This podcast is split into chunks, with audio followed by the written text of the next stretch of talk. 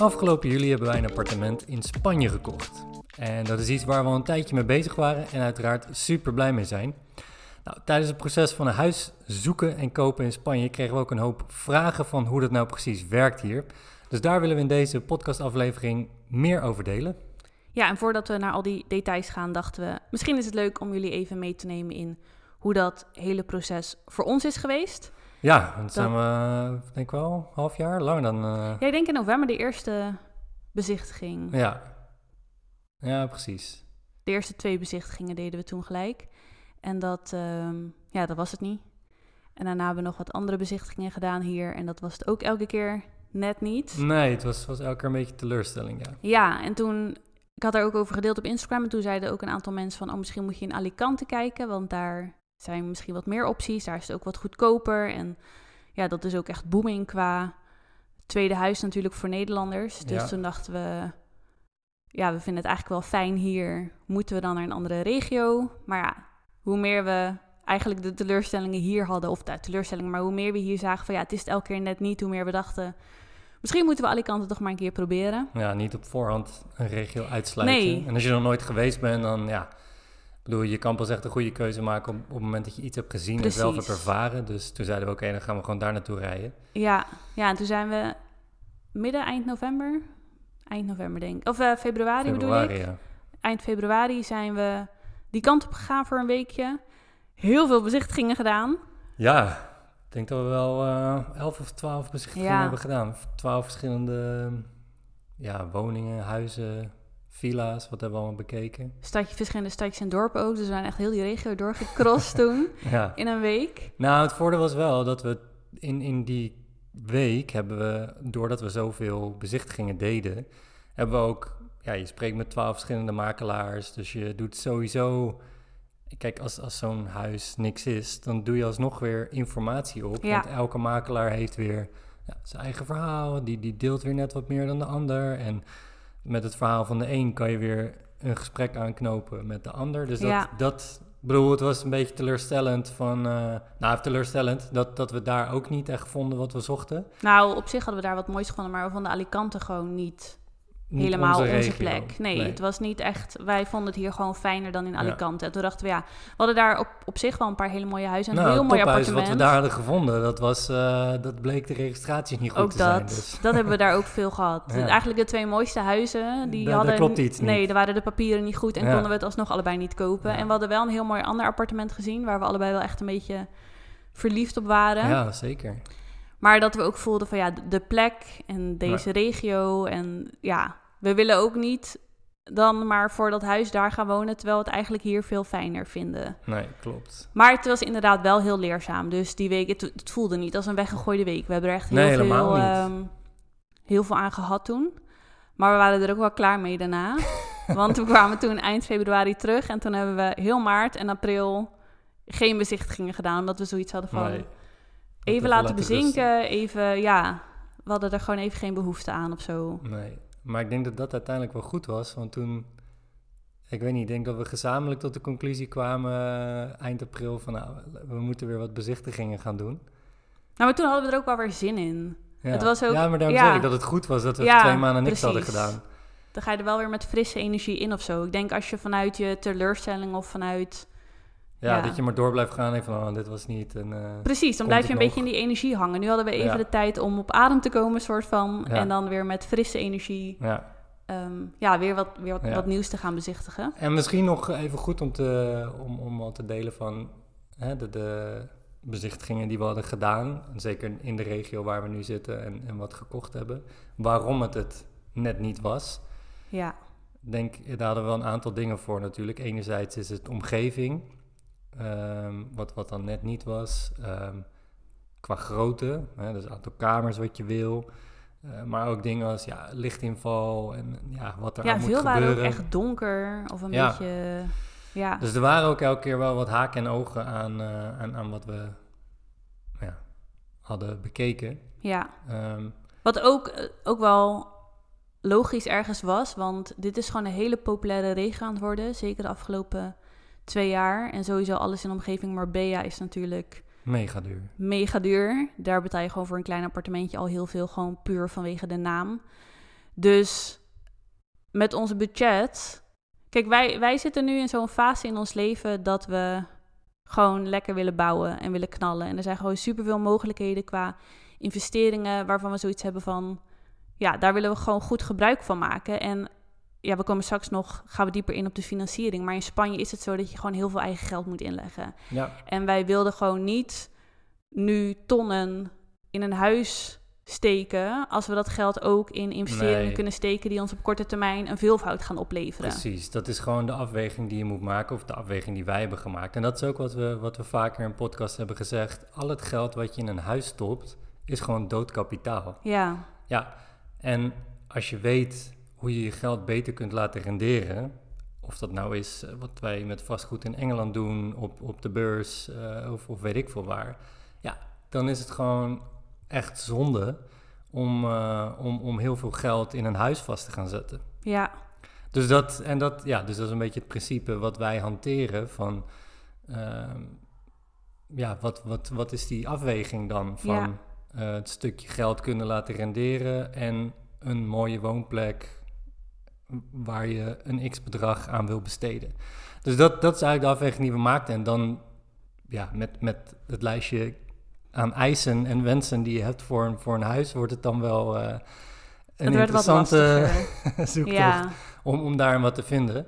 Maar goed, uiteindelijk eh, het is toch gelukt. is het toch gelukt. Ja. Ja. en hoe? Ja, want in mei, want inderdaad, eind april dachten we van oké, we gaan weer wat zoeken.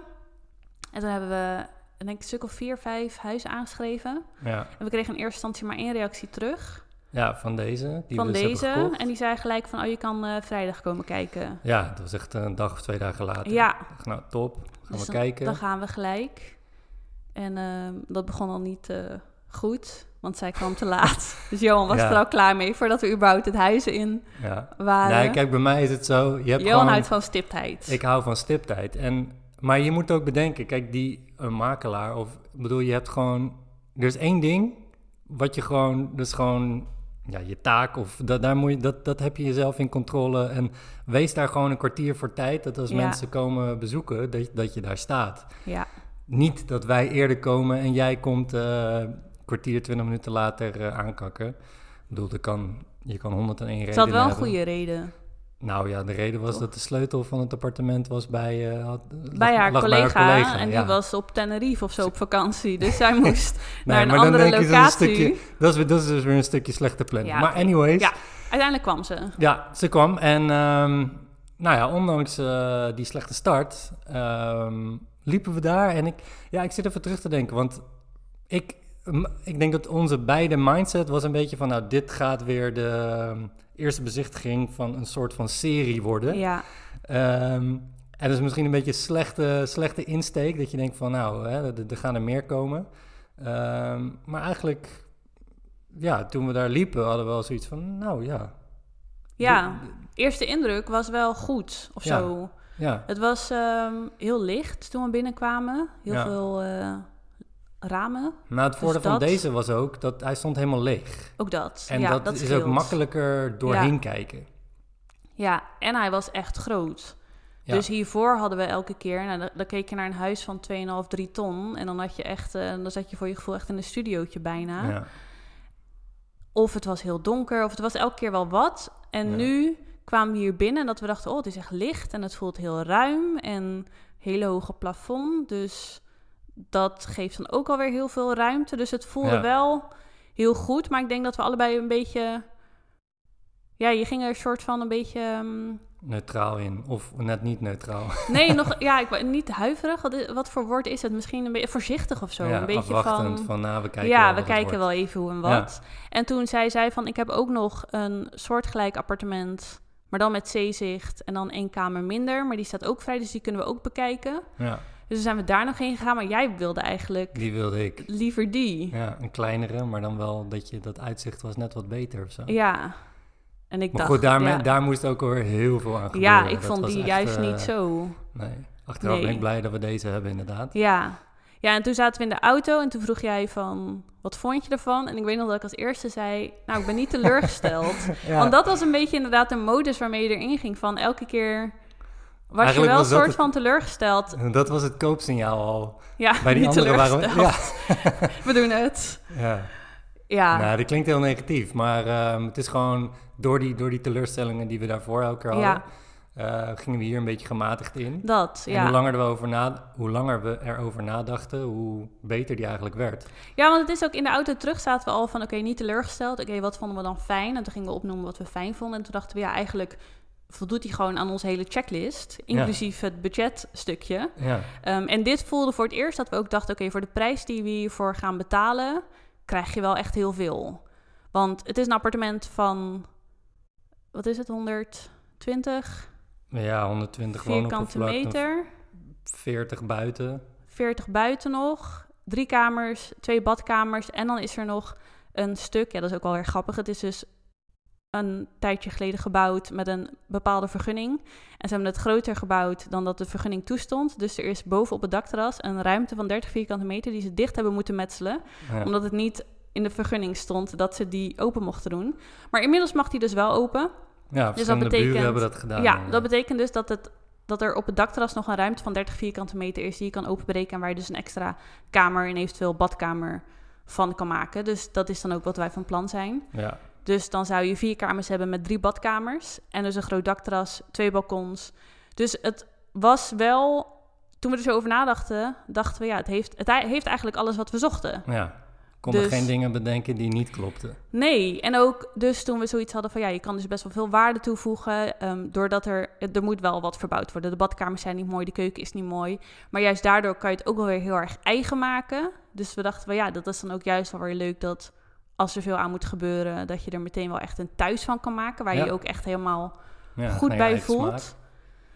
Ja, dus ehm, eigenlijk in het weekend, eh, ja, ik de- ik denk die zaterdag, zondag hadden we allebei al zoiets van, eh, Ja, en we hadden nog wat eh, extra vragen gesteld aan de makelaar. En dat Ja. was eigenlijk ook allemaal goed. ja, En toen hadden we zoiets van, nou ja, nog een keertje kijken. laten we nog een keertje kijken. Ja. En dan met de blik van, oké, als we hier gaan wonen of als we dit gaan kopen, voelt het dan nog goed? Ja. En toen kwamen we daar en toen voelde het eigenlijk beter nog dan de eerste keer. Toen wilde ik gelijk hebben. Toen wilde jij het gelijk hebben. Toen zei je ook van, ja, als we het nu niet hebben, dan ben ik echt teleurgesteld. En toen Ja. dachten we, oh ja, nou dat betekent dan Ja, eigenlijk dan dat dit gas gewoon... Ja, dat we dit gewoon moeten doen. En ik weet nog wel, bij mij was één ehm, drempel, was de locatie. Want het is in Manilva, dat is meer, ehm, dat is eigenlijk aan de andere kant van Marbella dan waar we nu zitten. Dus meer bij Estepona en richting Gibraltar eigenlijk. En dat is 40, 45 minuten rijden van hier. Dus het is wel echt een ander stuk. En ik merkte dat ik daar best wel een beetje aan moest wennen. Dat ik dacht, ja, je zit dan wel echt in een hele andere regio. En waar we nu zitten, dat is echt gewoon booming en alles goed geregeld. En daar is het nog wat meer upcoming. Ehm, wat tegelijk natuurlijk heel veel kansen ook biedt. Maar het, Ja. is wel, het is gewoon even een andere regio dan waar we nu zitten. Ja, je moet het ook weer leren kennen. Ik bedoel, moet het hier, leren kennen, Hier heb je ja. meer dan een jaar nu je, je vaste dingetjes en, en je kent je plekjes. Ja, Dus dat...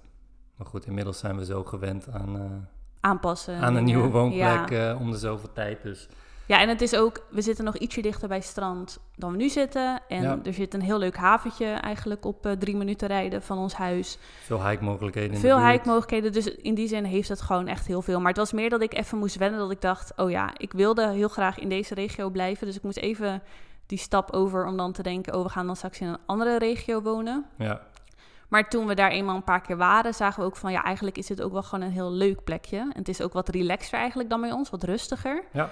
En dat heeft natuurlijk ook weer zijn voordelen. En ehm, ja, na die tweede keer waren we eigenlijk... eh, voelden we allebei, we moeten dit gewoon gaan doen. ja, dus toen hebben we gelijk gezegd van... eh, oké, we, we willen go. kopen. Ja, En dan, ehm, ja, hoe gaat dat proces dan? Nou, dan moet je, dan teken je een reserveringscontract en dan Ja. moet je een aanbetaling doen. En ja, vanaf dat moment heb je dan een eh, x aantal dagen, wat is het, 45 tot, eh, tot 60 dagen om dan eh, de financiering rond te krijgen. En ja, kijk, het feit dat je op het moment dat je reserveert en die aanbetaling doet, dan is het gewoon van de markt af. Dus dan, dan heb jij het echt gereserveerd. En toen zijn wij eigenlijk gelijk het proces van, ehm, ja, van de financiering aangegaan. We hadden begin dit jaar al wat gesprekken met de bank gehad. Ehm, Ja. Dus ik bedoel, we hadden al eh, de contacten daar lopen. Dat, dat scheelde natuurlijk wel. Ja, en we hadden ook een gesprek gehad met zo'n tussenpersoon die Ja. kan helpen eigenlijk Ja. om het hele hypotheekstuk uit handen te nemen. En dat ehm, was ook een heel fijn gesprek. Dat, dat heeft ons heel veel gegeven qua kennis en inzichten. Maar uiteindelijk hebben wij toch besloten om het gewoon rechtstreeks via de bank te doen. Ehm, aan de ene kant omdat de rente daar wat lager was. En het is gewoon, ja, het is gewoon een stukje goedkoper. Maar ook omdat wij voelden van...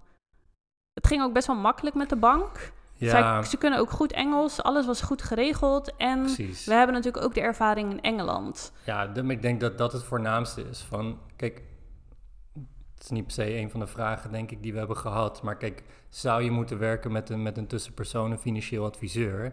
Ja, als jij nieuw bent in, in het hele proces van, Ja. van vastgoed kopen, buitenland, dat soort zaken. Ja, wij hebben inmiddels al, eh, wat is het, vier, vijf financieringen gedaan, inclusief herfinanciering in Engeland. Dus Ja, al die documenten die ze nodig hebben, ja, die hebben wij Ja, allemaal al eh, nou, overal in mapjes staan, die, zeg die maar. kan ik dromen, Ja. wat, ze moeten, wat je moet aanleveren. Ja. En elke gekke of bijzondere vraag die je over je persoonlijke situatie eh, kan krijgen, die hebben we ook al een keer Ja. gehad. Dus ja, dat was gewoon voor ons eh, de reden van oké, dat, ga- dat gaan we gewoon zelf doen. Ja. En eigenlijk heb ik daar geen moment spijt van Nee. gehad, want het, ik vond het een heel soepel proces. En misschien komt dat dus ook door de ervaringen die je hebt in Engeland, waar het vaak wat ja, stroperiger misschien, maar, maar gewoon... Ze doen daar moeilijker. Ja, Hier ging het allemaal dat- best wel dat, eh, makkelijk. dat is het denk en ik vond ook dat ze hier heel erg meedachten met ons. Ja, Dus we hebben bijvoorbeeld ook, je hebt bepaalde verplichte verzekeringen nodig voor je huis en je levensverzekering en dat soort dingen. En dan denkt de bank ook helemaal mee en alles wordt uitgerekend voor je. En je krijgt dan nog korting als je dan het hele pakketje koopt. En ja, ze zijn wel, ik vind ze wel heel klantgericht daarin. ja, ja, aan de ene kant zit een stukje verkoop in, tuurlijk. maar eh, ze zijn ook Maar ze wel, ze wel dachten mee. wel mee, ja. Ja. En, ehm, ja, en het is niet zo van, ik bedoel, ze stellen verzekeringen voor, maar het is niet zo dat ze je echt aansmeren, want Nee, je, je bent er zelf niet, bij ja. om, eh, om bepaalde dingen wel te nemen, volledig pakket, ja of nee. Maar ik zit nu wel te denken, kijk, het feit dat het wat makkelijker gaat, is natuurlijk ook al dat je klant bent van de partij waar je een hypotheek neemt.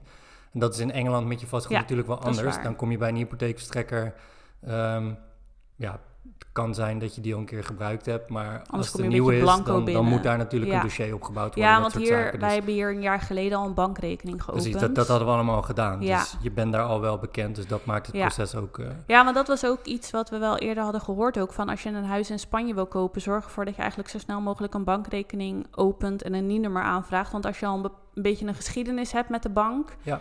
Dan zijn ze ook een stuk makkelijker. precies. Dus we hadden inderdaad al wat contact gehad. We waren al een paar keer op, die, op dat kantoor geweest. Ja, En dan, ehm, ja, dat ging allemaal wat makkelijker. Maar voor ons was dus dat, ja, we dachten we kunnen dat wel gewoon rechtstreeks doen. Maar ik denk ook, al heb je niet de ervaring, is het in die zin, ja, dat zou het kunnen. Maar het is gewoon de vraag van... eh, je moet gewoon alles van tevoren even goed Ja. inzichtelijk hebben gemaakt. ja, dat is het. Ja, En, en als jij zelf niet het gevoel hebt van... hé, hey, ehm, dat, dat, dat kan ik of dat, dat vind ik fijn. Het, is, het kan ook gewoon een, een persoonlijke ja precies. Ja, als je zoiets hebt van ik wil gewoon voor gemak of voor Ja. iemand die uh, maar bedenk allemaal wel dat, je daar inderdaad dus wel weer voor betaalt. Precies, je rente ligt wat hoger, je hebt wat extra kosten. Ja. Dus dat is dan de afweging die je moet maken. Ja. En ehm, ja, wat, wat bij ons ook gewoon heel erg hielp, dus het, het hele proces met de bank ging heel makkelijk. Ze spraken goed Engels, dus dat was allemaal goed geregeld. Maar we hadden ook echt hele goede mensen verder. Ja, ik bedoel, de verkoopmakelaar, die was heel dat prettig. was echt een geweldige vrouw. En die... ehm, die ja, dacht echt in alles mee. Ja, maar ook gewoon eh, buiten haar scope om, zeg Ja, maar. Dat, ja. eh, dat hebben we echt getroffen. En ik vind het echt fijn dat je die nu in je netwerk hebt. Eh, maar daarnaast, en, en uit haar netwerk kwam dan weer de advocaat die je nodig hebt in Spanje. Dus voor je, voor je aankoopproces heb je hier een, een advocaat nodig. Eh, en dat was dan een ja, half Spaans, half Vlaams dame. En die, eh, die, ja, die spreekt dus ook gewoon Nederlands. Dus Ja. dat was ook wel heel erg fijn. Eh, ja, elke vraag die je hebt qua contracten of dat soort zaken, wat gewoon vertaald kan worden naar het Nederlands. Het schakelt makkelijk. En, eh, dus die, ja, dat is zo fijn. En, en bij eventuele vervolgaankopen in Spanje, of dat nou is voor, voor vastgoed of voor, voor jezelf. Ja, dat zijn gewoon mensen waar je gebruik van kan maken en, ehm, en waarvan je weet dat die goed zijn. Ja, En dat, dat scheelt natuurlijk wel enorm, hè? Dat, je, dat je mensen hebt die... ehm, ja, dat vind ik altijd belang, dat, dat vind ik ook super belangrijk voor ehm, wat we in Engeland hebben. Je wil gewoon dat, het, dat je snel kan schakelen. Als ik iemand bel, dat vind ik gewoon prettig. En dat is net wat ik zei van die stiptheid. Ja, Ja. als ik iemand bel, ik moet niet vijf keer bellen om iemand te kunnen spreken. Nee. Dat hadden wij met de, met de aankoop van ons eerste pand in, in Engeland. Eh, met die solicitor die we toen hadden, Ja. een soort van notaris. En die Ja, negeerde die, je die, gewoon. die was gewoon Ja, niet te bereiken. Nee. Per mail niet, per, per telefoon niet. Dus die, ja, daar, daar heb je één deal mee gedaan en, en klaar. Nou, nu heb je iemand in Engeland ook die je belt. Hop, eh, Ja. je stuurt een mail. Hop, binnen 15 minuten. Ja, dat, dat, dat wil je hebben. En zeker in, in, een, in een proces als, als buitenland, Spanje... ehm, wat, wat toch ook weer nieuw is voor ons. Andere regels, dat soort Ja. zaken is gewoon super fijn. Dus dat... ehm, Ja, en het is dus ook, je hoeft dus ook niet goed Spaans te kunnen spreken hier eigenlijk. Want wat wij merkten dus bij de bank, spreken ze goed Engels. Onze, ehm, of de, de, de makelaar sprak heel goed Engels. Ja. En we hadden dus een advocaat die en Spaans, Engels en Nederlands Ja. kon. Dus hadden we op een gegeven moment, ehm, liepen we ergens tegenaan dat het wel alleen in het Spaans was. Bijvoorbeeld bij de notaris, dan kon zij ook als dan vertaler. was zij de vertaler, ja. Ja, Dus dat heb je ook dus je hebt, best wel, je hebt hier Maar wel een hoop mogelijkheden, Ja. zeg maar, al spreek je zelf geen Spaans. Er zijn genoeg mensen die je daarbij kunnen helpen. Ja, maar die notaris, en dat is dan waar we later nog eh, achter kwamen, is dat dit was dan de notaris die onze bank standaard gebruikt. Maar je bent als koper ben je vrij om welke notaris dan ook te kiezen. ja. Dus wat ik in het vervolg zou doen, dat hebben we bijvoorbeeld ook met, met onze advocaat besproken. Van zij heeft een aantal standaard notarissen met wie ze werkt. ja. Die, Dan gaat het veel sneller. Precies. Dus dat, eh, maar goed, dat moet je ook weer even Ja. weten voor, eh, voor een volgende keer. Ja. Ja, en toen we het huis eh, officieel gekocht hadden, hebben we dat ook gedeeld op Instagram. En toen kregen we daar ook een hoop vragen over. En een groot deel van die vragen gingen over de financiering. Dus daar willen we nog even wat dieper op ingaan.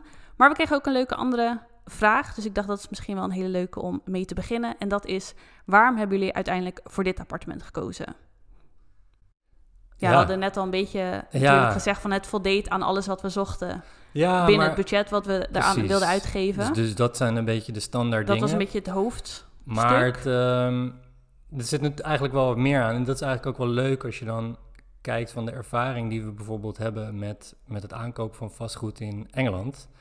Eh, dat, dat hebben we eigenlijk hier ook gewoon kunnen gebruiken. Want we Ja. hebben ehm, dit, dit appartement eh, gekocht onder de marktprijs. Ja, best wel Ehm, flink onder de markt. Best wel flink onder de marktprijs, dus dat, dat was al super. Eh, en daarnaast, wat jij al zei, van er zijn mogelijkheden tot, tot waardecreatie. Ja. En dat is natuurlijk waar vastgoed heel interessant wordt, of heel interessant is. En, en wat we in Engeland al meerdere keren hebben gedaan. Onder de marktprijs kopen, mogelijkheden tot waardecreatie inzichtelijk maken, dat uitvoeren. En ja, dat, dat is eigenlijk een van de snelste manieren Ja. om, om vermogen op te bouwen. Ehm, en, en, en deze had dat. Ja. Dat kon hier. En ehm, dus eigenlijk hebben we een beetje onze kennis van Engeland in dit, eh, dit proces voor onze eh, ja, privéwoning gebruikt.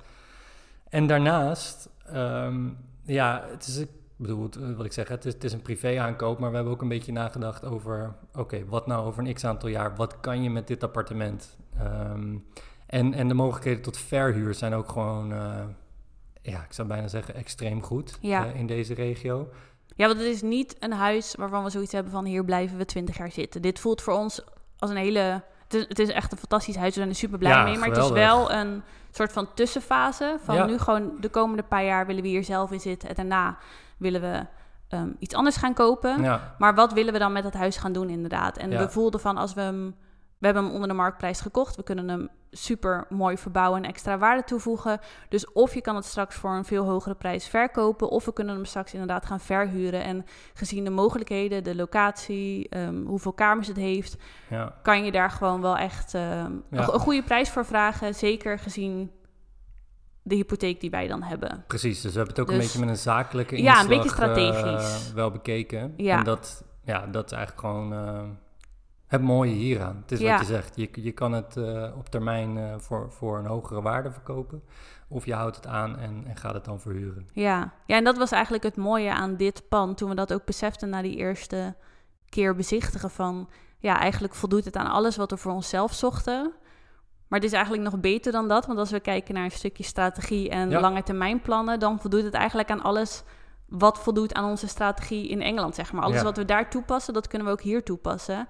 En in Engeland zien we dat, ja, dat werkt gewoon heel goed. Ehm, en hier ga ik ervan uit dat het bijna nog beter gaat werken, omdat dit gewoon een opkomende regio is en daardoor er gewoon nog heel veel potentie is op de lange termijn. Ja, Dus dat, ehm, ja, dat was eigenlijk de reden dat we uiteindelijk dus voor dit appartement kozen. En ehm, daarna kreeg, daarnaast kregen we heel veel vragen over de financiering. We hebben al een beetje daar wat over gedeeld, maar ik wil nog een aantal vragen willen we nog even uitlichten. En de eerste is, je moet in Spanje toch veel eigen geld inleggen. Hoe hebben jullie dat dan gedaan? door veel geld in te leggen. Door veel geld in te leggen. Ja, wij kwamen daar helaas ook niet onderuit. Nee, ja, kijk, dat is, dat is wat we zeiden aan het begin. Hè, van, nou, misschien even, even het proces. Dus je hebt twee typen eh, woningen, of eigenlijk je hebt, je hebt een klassificatie. Eén is urbano, ander is rustico.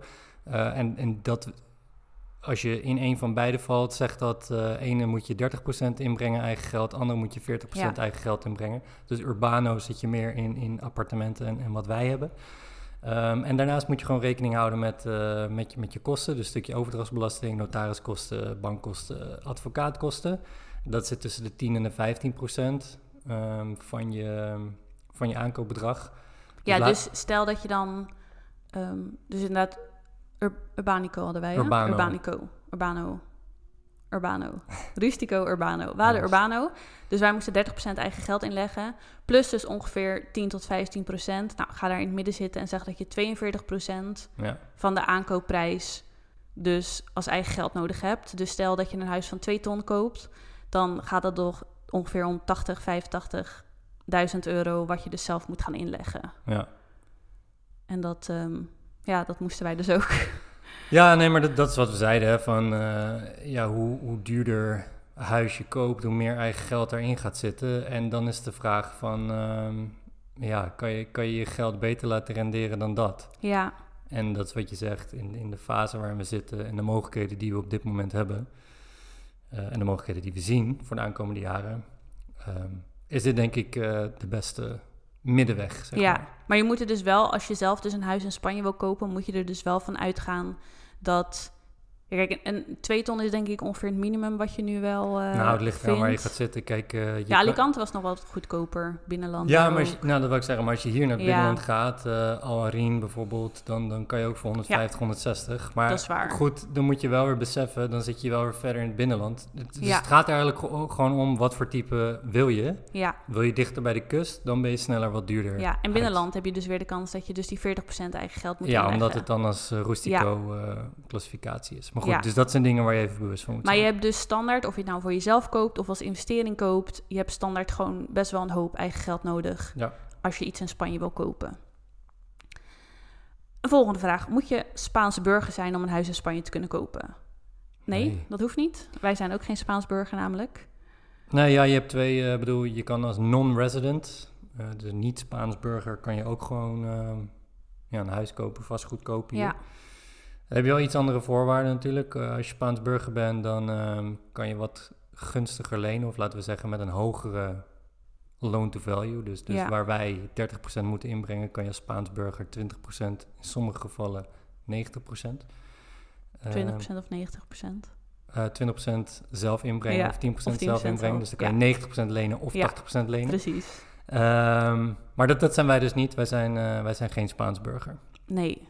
Maar dat is dus ook niet nodig. En ehm, volgens mij heb je alleen een NIE-nummer nodig en een Spaanse bankrekening. En dat Ja. is het toch? Ja, precies. Dus NIE-nummer is een beetje het... eh, oh, dat is een burgerservice nummer, Ja, maar dan... eh, Zo'n soort van ID-nummer, maar dan Spanje. Spaans. Ja.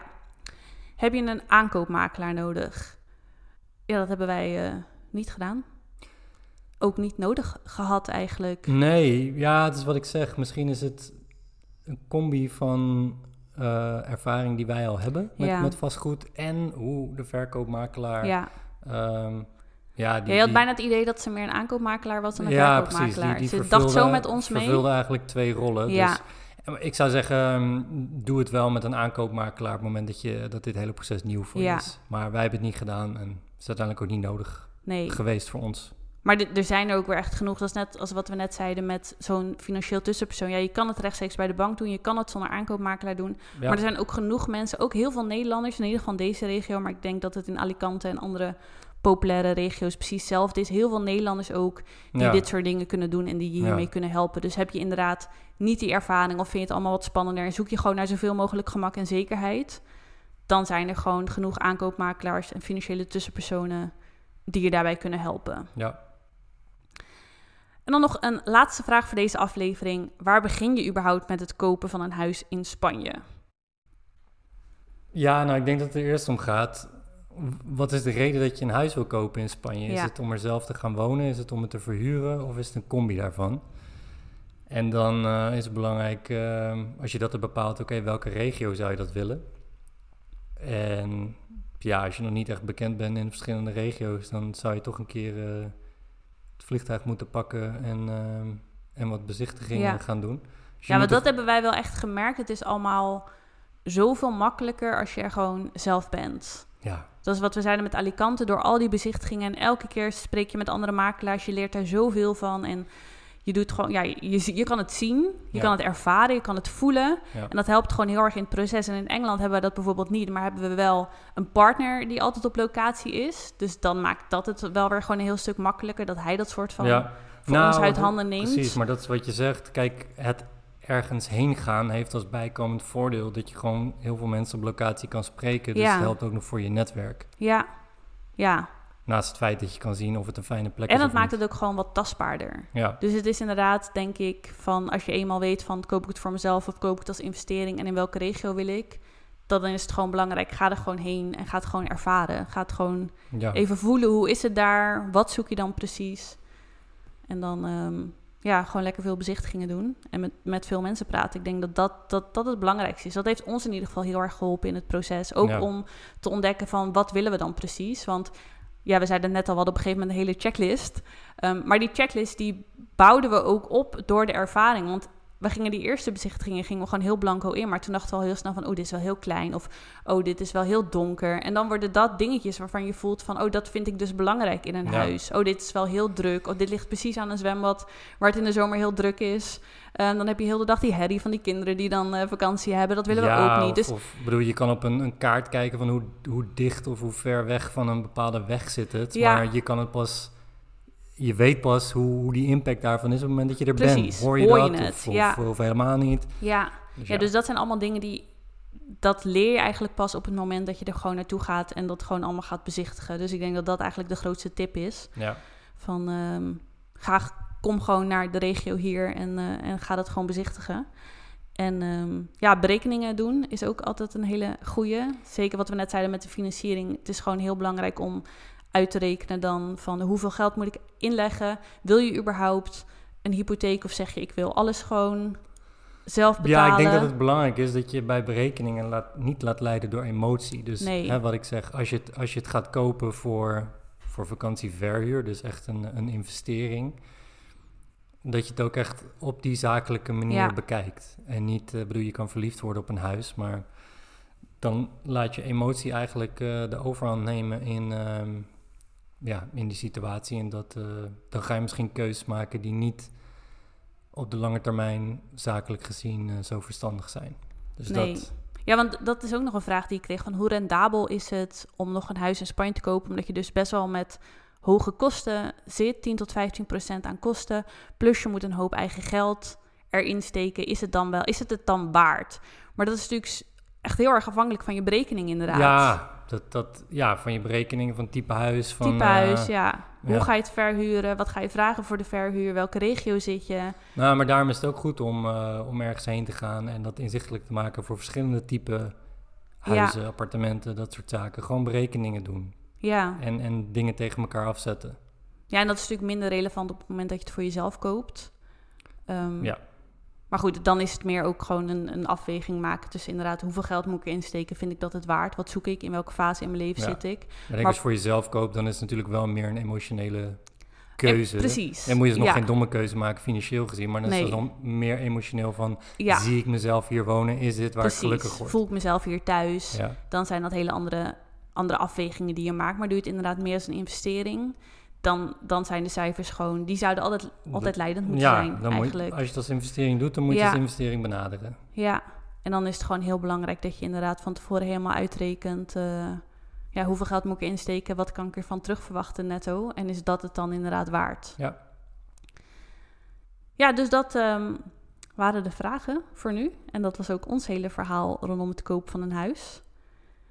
En ehm, ja, nu eh, zijn wij druk aan het klussen. Ja, en dan door met de inrichting. Dan door met de inrichting. En dan we gaan dus best nog wel wat verbouwen, maar dat gaan we niet nu meteen allemaal doen. Want we dachten, we willen er gewoon gauw in. En eh, nu zijn we vooral wat aan het verven en eh, wat elektrische dingen allemaal aan doen. En dan, uh, ja, zodra we erin zitten, willen we dan stapje voor stapje de keuken vervangen, de badkamers vervangen en dan die uitbouw boven doen. En dan, um, ja, is het over een jaar, hebben we dan een paleisje. ja. ja. Dus dat um, was het voor deze aflevering. Als je nog andere vragen hebt die we niet hebben beantwoord, dan kunnen we er altijd nog een podcastaflevering over opnemen. Of we kunnen natuurlijk even privé beantwoorden voor je. Dus heb je nog vragen, stuur ons dan vooral een berichtje. En um, nou ja, bedankt in ieder geval voor het luisteren naar deze aflevering. En tot de volgende keer.